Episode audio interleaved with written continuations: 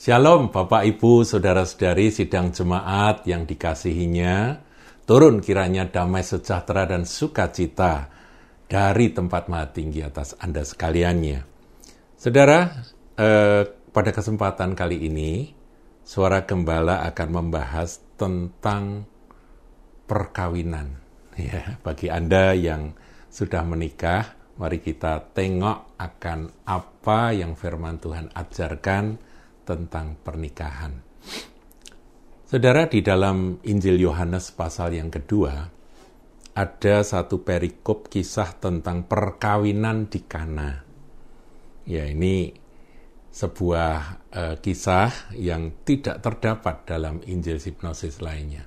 Tetapi khusus di dalam Injil Yohanes ini diceritakan bahkan di di dalam pernikahan atau perkawinan di Kana itu Tuhan Yesus membuat mujizat untuk kali yang pertama. Nah, kalau kita e, ngerti bahwa Tuhan mengapa kok bikin mujizat yang pertama itu justru di dalam sebuah pesta pernikahan, berarti pesta pernikahan itu sesuatu yang penting.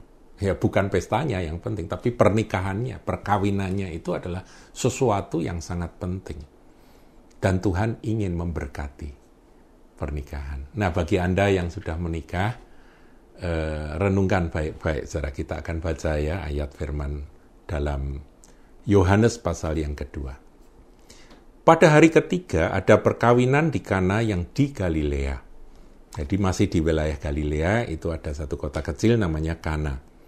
Bagi Anda yang pernah ke Israel pasti mampir ke sana beli anggurnya, saudaraku ya. Anggurnya enak. Dan Ibu Yesus ada di situ. Jadi Bunda Maria juga ada bersama-sama dengan Yesus di uh, Kana di, menghadiri akan perkawinan, pesta perkawinan itu. Yesus dan murid-muridnya diundang juga ke perkawinan itu.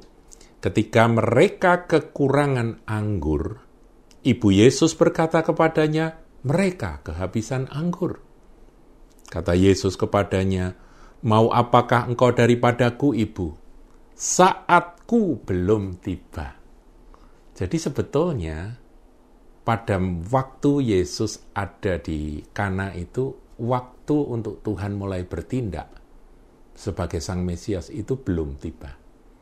Ya karena Sang Mesias tentunya eh, apa itu pekerjaannya itu selalu di, disertai dengan tanda-tanda heran, dengan mujizat-mujizat. Dan memang saat itu Tuhan berkata, waktuku belum tiba. Jadi ketika Bunda Maria berkata, e, mereka kekurangan anggur, Ibu Yesus berkata kepadanya, mereka kehabisan anggur. Ada banyak penafsir mengatakan bahwa Yesus itu di masa sebelum dia tampil sebagai uh, sebagai rabi ya, sebagai rabi yang ngajar di sana sini dan bikin mujizat sana sini, di rumah dia mungkin ada banyak mujizat yang dia buat tapi bukan di depan umum. Makanya Bunda Maria yang biasa melihat mujizat yang dilakukan Yesus langsung berkata, "Eh, Yesua, itu mereka kehabisan anggur.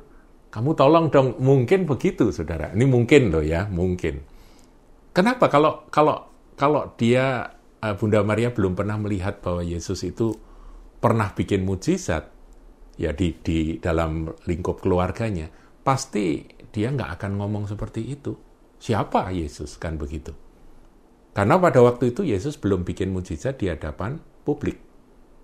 Dan Yesus akhirnya berkata, mau apakah engkau daripadaku ibu saatku belum tiba. Nah, kemudian ayat 5, tetapi Ibu Yesus berkata kepada pelayan-pelayan, apa yang dikatakan kepadamu buatlah itu. Di sini kita melihat bahwa Maria, Ibu Yesus ini sangat apa ya, sangat ber, berempati, bersimpati terhadap masalah yang dihadapi oleh uh, ini apa pengantin yang sedang mengadakan pesta tersebut. Karena bagi orang Yahudi kalau sampai kehabisan anggur dalam sebuah pesta pernikahan, wah itu sangat memalukan, saudara. Jadi ya kasihan. Makanya meskipun Yesus ngomong begitu, Bunda Maria berkata, apa yang dikatakan kepadamu buatlah itu. Di situ ada enam tempayan yang disediakan untuk pembasuhan menurut adat orang Yahudi. Masing-masing isinya dua tiga buyung. Enam, ya saudaraku, enam tempayan yang disediakan untuk pembasuhan menurut adat orang Yahudi. Jadi memang orang Yahudi itu punya adat mereka menyediakan air untuk membasuh gitu ya. Dan tempayannya kok ya ada enam Nah, saya ini menafsir saudaraku. Angka 6 itu selalu berbicara tentang manusia. Ya, manusia akan diciptakan pada hari ke-6. Makanya nanti ada antikris itu 666 itu ya itu kemanusiaan yang betul-betul komplit begitu ya. Begitu lengkap manusia durhaka begitu ya. Jadi enam tempayan itu berbicara tentang sifat kita sebagai manusia, kemanusiaan kita. Dan di dalam tempayan itu airnya apa sih? Isinya apa? Maaf, isinya apa, saudara? Air. Air tawar, saudara. Jadi, kita ini kan bejana tanah liat, saudara. Kita ini seperti tempayan-tempayan itu. Jadi, saudara yang masuk dalam pernikahan, Anda semua harus menyadari bahwa Anda ini manusia dengan segala kelemahan, kekurangan. Jadi kalau eh, pemuda-pemudi pertama kali ketemu, kemudian mereka dengan gagah perkasa ditanya, kamu nikah itu modalnya apa? Mereka berkata, cinta. Saya mau kasih tahu, saudaraku, cinta manusia itu bertahan berapa lama? Karena di sini digambarkan enam tempayan kemanusiaan kita itu, ya ini arti arti alegorisnya, kemanusiaan kita itu isinya air, saudara. Jadi pasti cinta manusia, cinta muda-mudi itu pasti nanti ada lunturnya, saudara. Dimakan waktu dan juga dibenturkan dengan berbagai kelemahan dari pasangan, saudara. enam tempayan ya. Masing-masing isinya dua tiga buyung air, saudara. Ayat 7, Yesus berkata kepada pelayan-pelayan itu, Isilah tempayan-tempayan itu penuh dengan air. Air, saudara, diisi air. Dan mereka pun mengisinya sampai penuh. Nah, di sinilah Tuhan bertindak.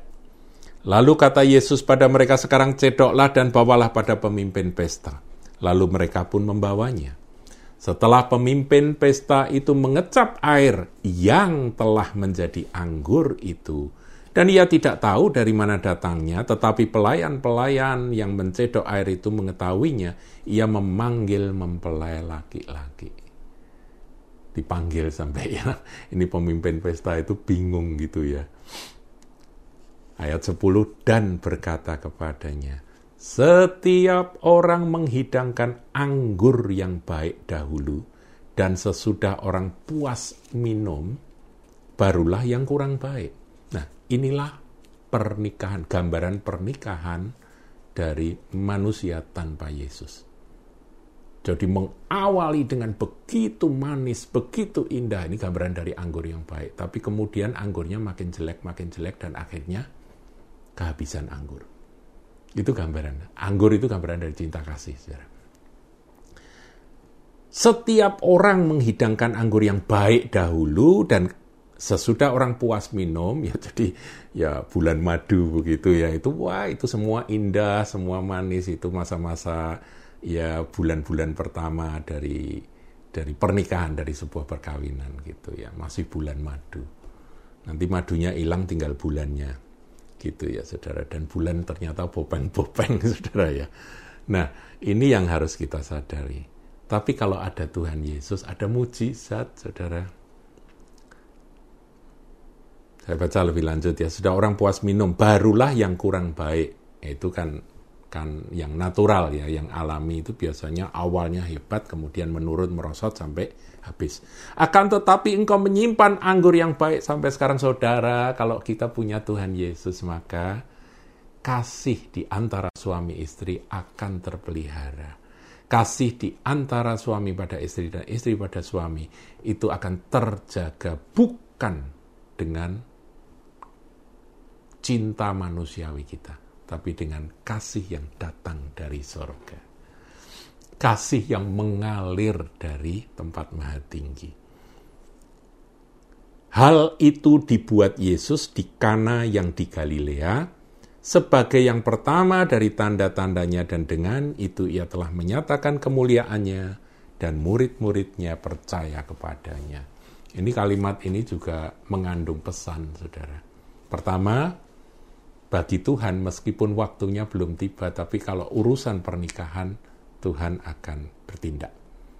Jadi saudara, kalau saudara ada masalah dengan suami istri, berserulah maka Tuhan tidak akan pernah berkata, waktuku belum tiba.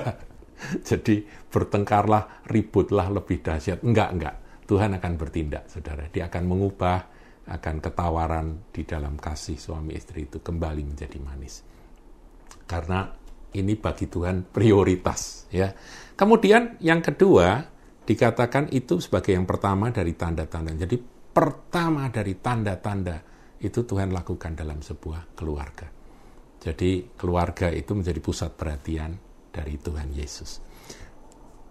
Dan dengan itu ia telah menyatakan kemuliaannya dan murid-muridnya percaya kepadanya. Artinya apa saudaraku? Tuhan akan menyatakan kemuliaannya melalui hidup rumah tangga, hidup pernikahan. Kalau suami mengasihi istri, istri menghormati dan mengasihi suaminya maka di sanalah kemuliaan Tuhan akan dinyatakan. Warisan bagi anak-anak dikatakan adalah ketika anak itu mengetahui papa mengasihi mama. Itu warisan, saudara. Legacy. Mama menghargai dan mengasihi papa, menghormati dan mengasihi papa. Itu legacy itu warisan dan anak yang bertumbuh dalam orang tua ya, orang tua ayah ibu yang seperti itu, itu anak itu akan menjadi perkasa. Akan sehat secara rohani dan perkasa. Tapi sebaliknya anak yang broken home, yang papahnya nyeleweng, mamahnya ngaco, itu anak itu hancur, saudaraku. Jadi sekali lagi Tuhan punya uh, fokus khusus, ya punya perhatian khusus pada pernikahan saudara dan saya. Tuhan Yesus memberkati.